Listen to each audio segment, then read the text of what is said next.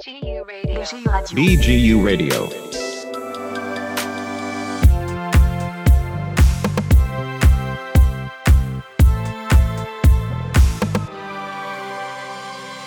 ברוכים הבאים וברוכות הבאות לסדרת הפודקאסטים החדשה של המחלקה לפוליטיקה וממשל באוניברסיטת בן גוריון בנגב.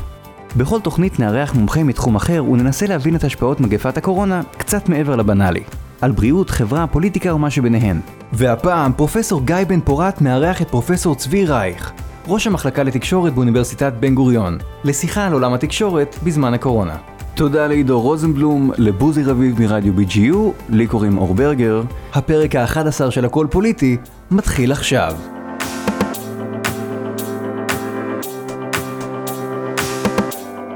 טוב, אז צביקה, תודה שאתה אה, מצטרף לשיחה הזאת. בשמחה. אני רוצה להתחיל דווקא מהמחקר שלא מזמן קראתי שלך על ספקנות, על עיתונאי הספקן. זו תקופה שהיא, שהיא בעיניי אה, קלאסית לבחון את זה. אנחנו עם המון המון מידע, בתחום שהוא לרובנו לא מוכר, לא לרוב העיתונאים, שבו צריך לשדר לציבור כל ערב או כל שעה לצורך העניין עוד ועוד אינפורמציה, אה, חדשות, התפתחויות, ועולה השאלה האם במצב כזה יש בכלל סיכוי לספקנות עיתונאית. כל הזמן. אני חושב שעיתונאים הם אה, פחות אה, טיפשים מכפי שנראה להרבה ממבקריהם. ותזכור שהם גם אוכלוסייה מאוד מיוחדת, יחסית למקצועות אחרים, את הפגיעות שלהם ואת הנפילות שלהם, הם נותנים להם פומבי. וזה, אין הרבה מקצועות שעושים זה כל כך הרבה, ושהפידבק הוא גם כל כך מיידי. כשאתה נופל, טורחים להגיד לך את זה מאוד מהר. אה, לכן אני חושב שהם נעים עם ספקנות, אבל אני לא בטוח שזה לגמרי, אתה יודע, שזו תכונה מספיקה. רק אחרי שכתבתי את הספר הזה, הבנתי שמרוב הדגשה של הספקנות, שכחתי את הצד השני, הם גם צריכים ודאות. המוצר בחסר הוא ודאות, אה, הספקנות יש בשפע. אולי זה משקר ואולי זה לא נכון, אה, אבל אתה, אתה לא יכול לעבוד עם ספקנות, אתה צריך גם את המרכיב של אמון. אתה יודע, אני, אני מתכן עכשיו מחקר גדול בנושא מומחיות של עיתונאים ועד כמה הם מבינים בתחום שלהם, והמשבר הזה מאוד מעסיק אותי. ולדוגמה, אחד הדברים המעניינים שראינו במשבר הזה, זה שהוא שעתם היפה של עורכי חדשות החוץ. זה, זה אנשים שבדרך כלל לא נמצאים בחזית, אה, הם לא הכוכבים, אה, הם לא המרואיינים הטבעיים, והנה פה אירוע בינלאומי, ופתאום אתה רואה אותם אה, זוהרים אחד-אחד, והשאלה היא מה קרה, מדוע?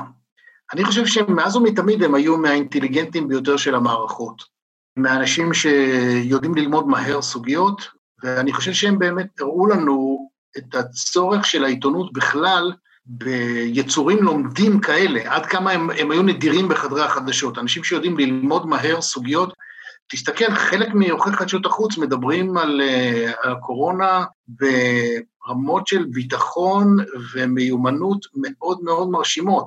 אתה יודע, אני חושב שהבעיה היא לדעת את גבולות המומחיות שלך עכשיו, בהינתן שזה מה שלמדת, אבל עדיין אני חושב שהם מאוד מרשימים, והם uh, ממחישים את הצורך של המערכות. אני חושב שרוב העיתונאים הישראלים, רוב הזמן ניזונים ממקורות ישראלים וממקורות בעברית.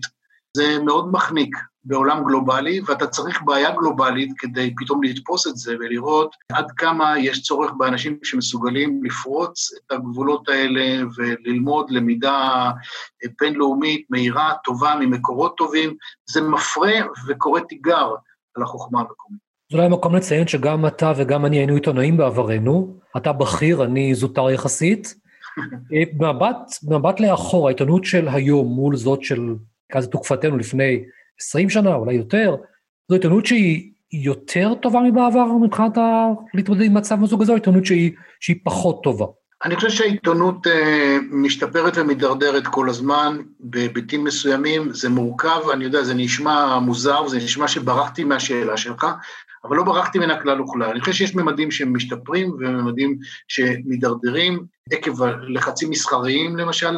אני מאוד מתחבר לקביעה של אחד מעמיתיי, שאומר שמיטבה של העיתונות היום טוב ממיטבה של העיתונות אי פעם. במיטבה, בשפיץ, במקומות הכי טובים, היא הרבה יותר טובה משהייתה.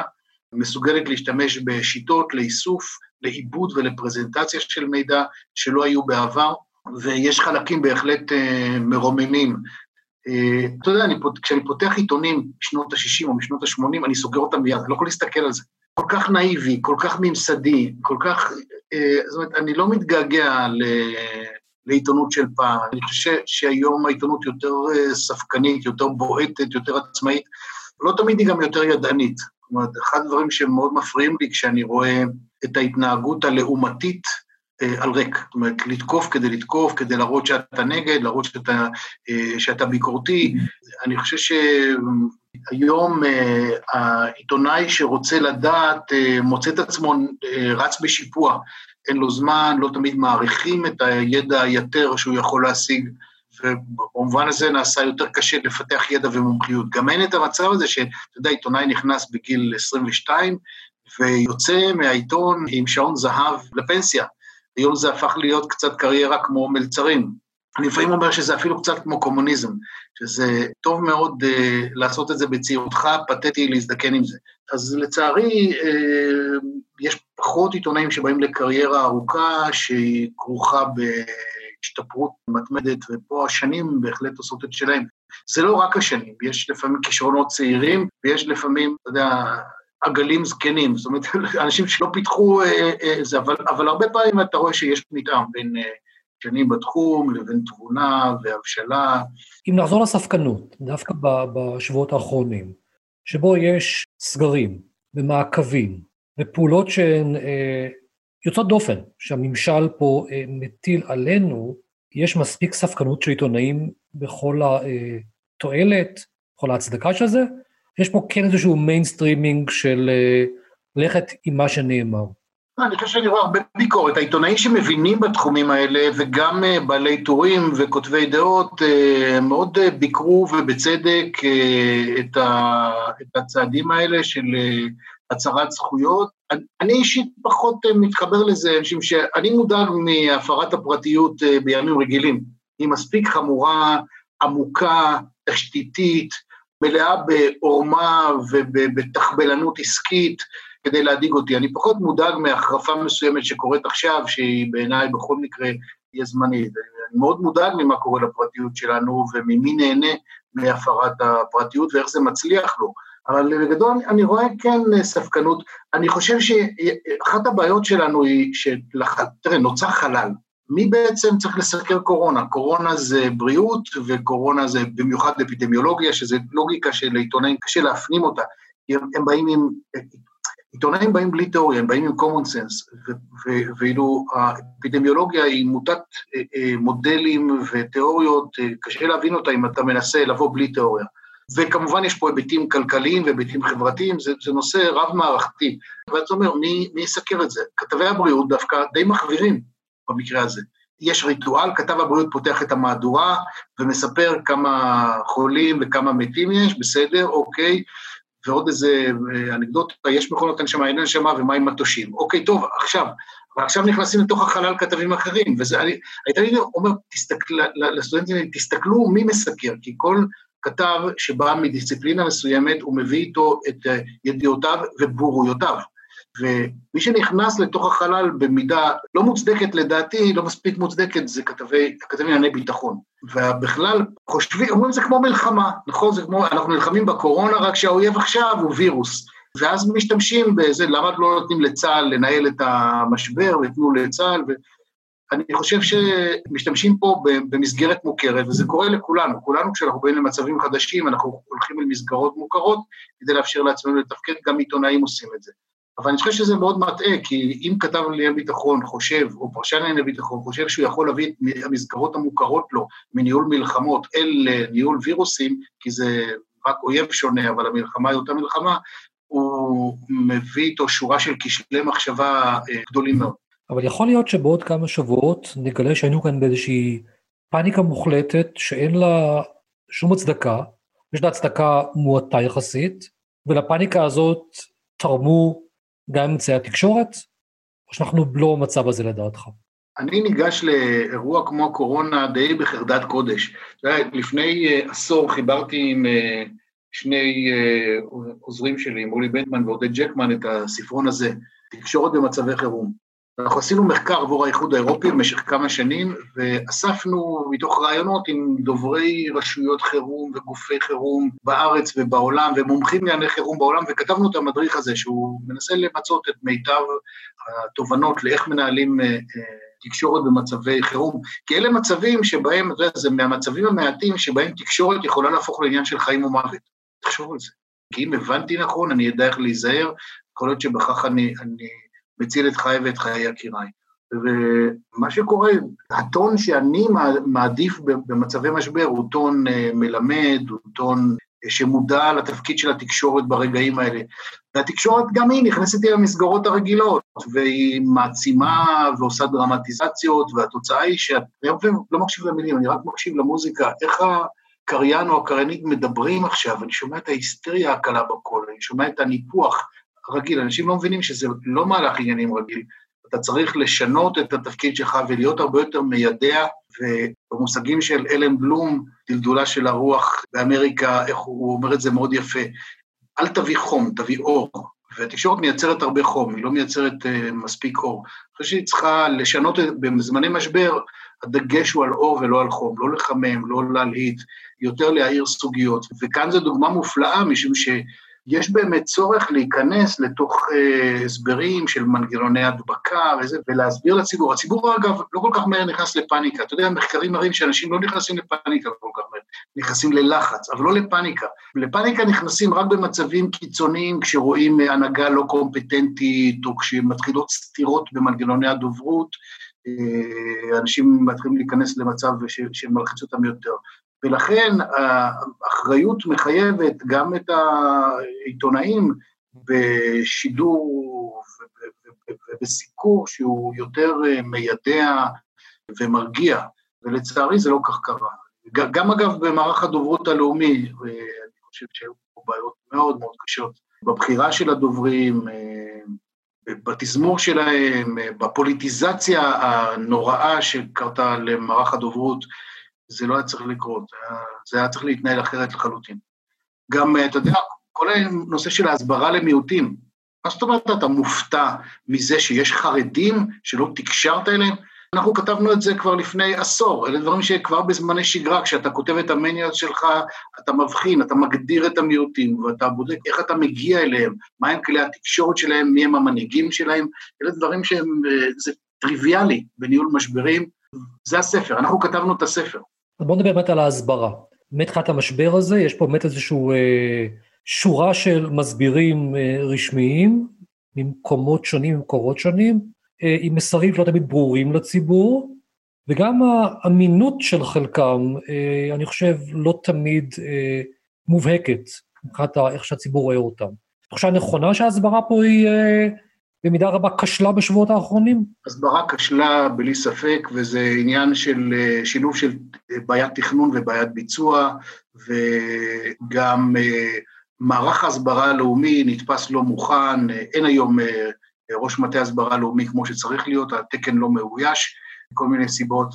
ולחלל הזה נכנסו מנכ"ל משרד הבריאות מצד אחד, ראש הממשלה מצד שני, גם כל הזמן יש הרגשה שהמומחים מדברים כל היום, אבל בערב מחכים לדבר האמיתי. הדבר האמיתי זה האורקל מבלפור, צריך לצאת ולהגיד מה הוא אומר. כלומר, יש איזו היררכיה, ואז, ואז גם מתחילות הדלפות שהחוגים המקצועיים אומרים, אנחנו המלצנו על סגר מלא, אבל בואו נראה מה יגיד האורקל. עכשיו, יש תפקיד לקברניט, יש תפקיד למספר אחד. לראש ממשלה או נשיא בתוך משבר, הוא סוג של דמות אב או דמות אם, שזה מאוד חשוב לשלב גם אותם, אבל הדוברות צריכה להיות בידיים אה, מקצועיות, משום שלדרג הפוליטי יש תמיד גם מתנגדים, ואתה צריך שהדוברות תיעשה על ידי דמות מקובלת על הכל, בלי שיש חשש לכך שמעורבת איזושהי אג'נדה בהמלצות שלו אה, להישמר לצעדים המעשיים שנדרשים מהציבור, ולא משנה עכשיו אם אנחנו מדברים על רעידת אדמה או הצפה או על אפידמיה, לא משנה מהו סוג האסון, המנגנון הוא מנגנון דומה.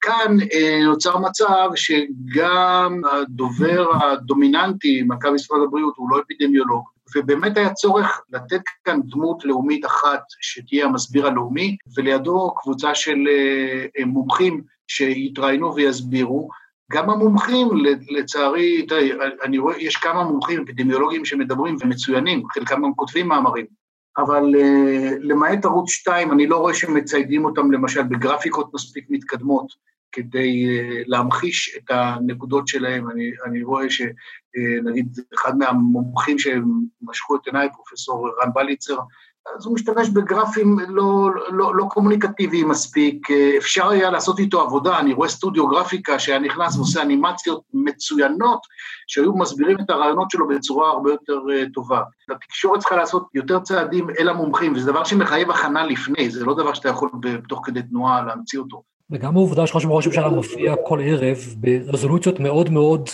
של איך להתעטש, קצת מפסס את הנקודה, כלומר זה נראה קצת אה, מוגזם מבחינת מה הוא אמור להנחות את הציבור. הפוליטיזציה שם קלקלה את השורה לגמרי, זאת אומרת, אני, אני לא רואה שראש הממשלה חושב שהוא מבין בענייני תקשורת, הוא באמת מבין בדברים מסוימים, הוא לא מבין באחרים. גם הוא עושה פה אקסטרפולציות של, של הידע שלו לתחומים שבהם הוא פחות מבין. ולצערי, כך זה נראה, אפשר היה לעשות את זה הרבה יותר טוב, כולל לתת לו, אני לא אומר שאין תפקיד, לא, לא צריך להסתיר ראש ממשלה בזמן משבר, אבל התפקיד שלו מאוד מוגדר בתוך אנסמבל של דוברים, דובר מרכזי, עוד אנשי עזר שעוזרים לו בלהסביר את המנגנונים היותר uh, מקצועיים, וגם כל אווירת הדוברות, אתה יודע, הכלל הראשון בנושא הסברה לציבור בתקופות משבר הוא שים בצד את יחסי הציבור. אין יחסי ציבור. הלוגיקה של יחסי הציבור זה לא הלוגיקה של הסברה בזמן משבר. הסברה בזמן משבר היא לא מנסה להחמיא, להחמיא לעצמך, היא לא הולכת אחורה, היינו נהדרים, אלא להיות מאוד ממוקד, להודות במה שלא בסדר, לא להסתיר צרות שהולכות לבוא.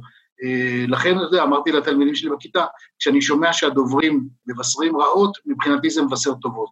במובן הזה שהם לא מסתירים, אומרים, יהיה יותר גרוע לפני שישתפר, זה בעיניי מנגנון אמין, לא מייפה, לא מנסה לטאטא, כי באמת הוא אתגר מאוד גדול, כי הוא אתגר אתי. אתה צריך לקבל על עצמך בהסברה בזמן משבר, צריך לקבל על עצמך להיפטר מההרגלים היחצניים שלך.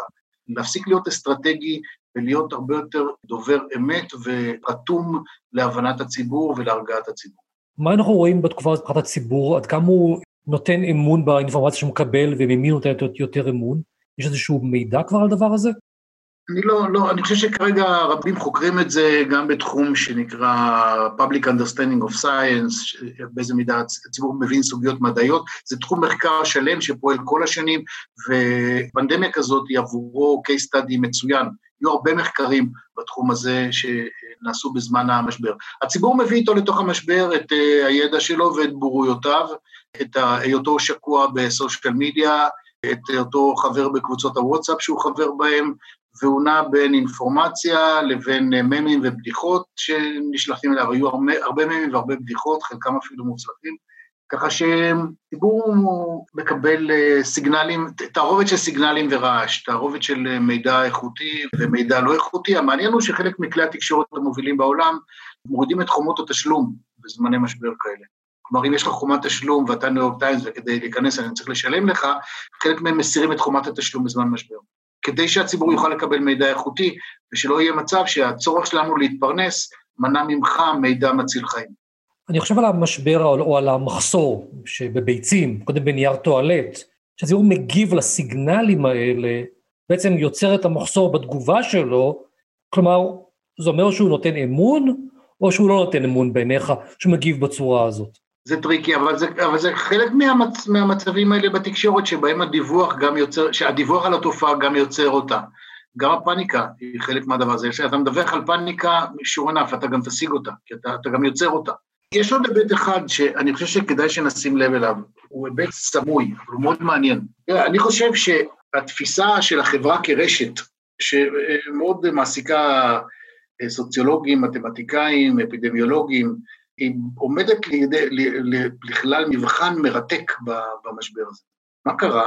בעצם, אם נסתכל על ההיסטוריה, אנחנו נראה שהחברה הולכת ומתרשתת ברשתות שונות, ובהתחלה, אתה יודע, שיירות של גמלים אה, חוצות אה, את המדבריות אה, המזרח התיכון ומובילות פלפל שחור ומשי, וככה זה אחר כך לימים סוכר ועבדים ווירוסים ואחר כך כסף ואשראי ורעיונות ווירוסים, שוב, כן, ובסופו של דבר אנחנו מוצאים את עצמנו חברה מאוד מאוד מרושתת. עכשיו, יש לנו רשתות תקשורת ורשתות תחבורה ורשתות חברתיות, לא במובן של פייסבוק, רשתות חברתיות של, רשתות של החברה עצמה, וזה מאוד בולט, תפתח את הטלפון שלך ותסתכל על, על, על הוואטסאפ, תראה בכמה קבוצות התייחסות אתה שייך, אם זה הגן של הילדים, או הבניין, או הרחוב, או חובבי משהו, אה, וכן הלאה. עכשיו, מה שקרה, זה שהרשתות האלה והרשתות האמיתיות מגדירות אחת את השנייה. זאת אומרת, השאלה מה זה משפחה מוגדר גם על ידי אמצעי תקשורת. כי יש דברים שהמשפחה עושה פיזית, ויש דברים שהמשפחה עושה בטלפון, בוואטסאפ, עכשיו בזום וכן הלאה. אה, אותו דבר, אנחנו כאקדמאים, הרשתות מגדירות גם מה זה נקרא להיות אקדמאי. אתה נוסע לכנסים פעם בכמה זמן, אתה קורא ז'ורנלים שהם גם כן מרושתים ו- ומתארגנים ומעובדים ונעשים על ידי הרשתות האלה. הדבר המעניין הוא שעכשיו כשקרסו הרשתות של התחבורה ושל המפגשים, רשתות התקשורת נשארו לאחד את החברה ולאפשר לה. הציוויליזציה פועלת עכשיו בעצם על הרשתות התקשורתיות שלה. רשתות אחרות בוטלו, והכל נשען עכשיו על גרסאות רזות יותר של מפגשים שמתאפשרים ואינטראקציות שמתאפשרים באמצעות רשתות תקשורת. בעיניי זו תופעה מופלאה, מה זה עושה ליחסים בחברה, מה זה עושה ליחסים אקדמיים, ליחסים בינינו לבין התלמידים שלנו, בינינו לבין העמיתים שלנו בעולם, בינינו לבין בני משפחה שלנו, והכל עובר רדוקציה לרשתות תקשורת. בעיניי אה, זה גם מחזק את הפלישה של התקשורת לתוך הרבה תחומים. אתה לא יכול לחשוב היום על רפואה בלי תקשורת. תקשורת היא חלק מהרפואה, אתה לא חושב על פוליטיקה בלי תקשורת, אתה לא חושב על ספורט בלי תקשורת. וכל התחומים הללו שעברו מדיאטיזציה, הם גם הגדירו את עצמם מחדש. אתה יודע, גם אה, משחק הכדורסל השתנה בעקבות ההעברה שלו בטלוויזיה. הוא שילם מס בסופו של דבר עבור המדיאטיזציה שלו. ואני חושב שעמוק עמוק הדבר הזה קורה עכשיו בהמון תחומים בצורה מאוד מאוד אינטנסיבית, שיחסים אה, ואינטראקציות חברתיות ומוסדות עוברים מדיאטיזציה, לדעתי זה אמור אה, להגדיל את חשיבות התחום שלנו, את תחום התקשורת, בהבנה של, זאת אומרת, כמה זה חזק, כמה זה נשאר, הרשת האמינה האחרונה כשהרשתות האחרות קורסות. אני רואה בתוך הרשת שאתה מדבר עליה, בתוך הרשת הזאת, על ההבדל או על היחסים שבין הרשת המוכרת של תקשורת, שהיא top down, כלומר אמצעי תקשורת שמשדרים כל ערב בשעה שמונה את החדשות או מתכתבים לאתרים שלהם, לבין תקשורת שהיא לא פורמלית, שהיא יותר בין אישית, שהיא פחות היררכית, כלומר ביחסים בין שניהם, מה יקרה לתקשורת הממסדית וה top down? האם משהו ישתנה כאן במעמד שלה מתוך הדבר הזה. אני חושב שצפויה תקופה של התאוששות למדיה שהיא, אה, top down, משום שזו תקופה שבה אתה זקוק לאינפורמציה טובה כדי לפעול נכון, ואם אה, בזמנים רגילים אתה אומר, טוב, יאללה, אני אסתדר, מה שיהיה לי בפיד יהיה, ומה שלא יהיה לא יהיה ואני אסתדר, הפעם, תשמע, אתה רוצה לדעת uh, מה יקרה למקצוע שלך, אתה יודע לדעת מה יקרה לנדל"ן שלך, או לתוכניות שלך, או הילדים שלך שצריכים לראות, מה יקרה להשכלה, מה יקרה להמון תחומים. אתה זקוק למידע איכותי, ואנשים משכילים ומבוססים תמיד ידעו והיו מוכנים לשלם יותר כדי להשיג יתרון באמצעות אה, מידע. אז זה הולך אחורה מאות שנים, ואני מניח שגם הפעם יבוא איזה באמפ כזה בגידול במנויים אה, במדיה. ומה יקרה ל fake news? אני מקווה שתבוא אה, אה, רגיעה בחזית הזאת, ואני אומר מדוע. אני חושב שבעקיפין, זה יקרה בעקיפין. אה, אני חושב שמנהיגים פופוליסטים יפשלו ומפשלים במשבר הזה. זה משבר שאי אפשר לרמות בו. אם אתה טוב ב governance, אם אתה היית אחראי, אם ניהלת את המשבר בהצלחה, יהיו פה תעודות שליש מאוד ברורות. ולכן אני צופה שדווקא הפופוליסטים אה, ייכשלו, משום שהם לא, אני מסתכל על טראמפ, תראה איך זה נראה שם, וגם במקומות אחרים אני צופה שהתוצאות יהיו כאלה. במקומות שמנהיגים התחנפו לציבור שלהם או לא העירו אותו בזמן, התוצאות הן אה, הרות אסון, ולכן האנשים האלה שהם מחוללי ספירלות ענק של fake news, אני מקווה, ירדו מהבמה לטובת מנהיגים אה, קצת יותר צנועים ויותר אחראיים, יותר מציאותיים ויותר מדווחי מציאות. וגם העיתונות היא איזשהו תהליך שבו יהיה איזשהו לברור את המוץ מהתבן? יהיה פה איזושהי עיתונות יותר... אה, אני חושב שהעיתונות מאוד מודעת. אה, בשנים האחרונות התפתחה תעשייה מאוד מאוד גדולה של fact checking. ואני חושב שהיא עושה עבודה מעניינת. אני חושב שאחד הדברים שעדיין התקשורת לא יודעת לעשות זה לטפל בשקרנים סדרתיים. זאת אומרת, שקרני ענק חומקים מבעד לרשת הזאת של ה fact checking, כי הם משקרים הרבה יותר מהר משהרשת הזאת יכולה לבדוק, והרבה יותר מפואר, והשקרים האלה הם מאוד נוחים, אלה שקרים ש...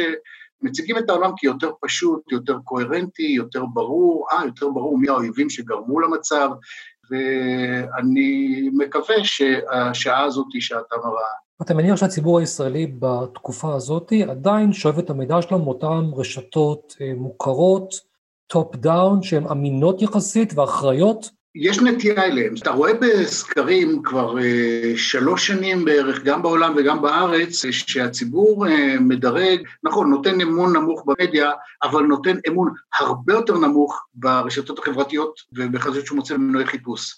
זאת אומרת שהציבור כן קלט את המסר שאמר, תשמע, הרשתות החברתיות האלה זה לא, לא מי יודע מה אמין. אז יש פה היררכיה ברורה בין ציון די נמוך, אבל עדיין יחסית גבוה לאמצעי התקשורת בכלל, ציון משמעותית גבוה לאמצעי התקשורת שלי, אלה שאני צורך, וציון נמוך באופן אה, משמעותי לרשתות החברתיות. אז אני חושב שהמטוטלת קצת נעה עכשיו לכיוון התקשורת המיינסטרים, וצפויה לעלייה בצריכה.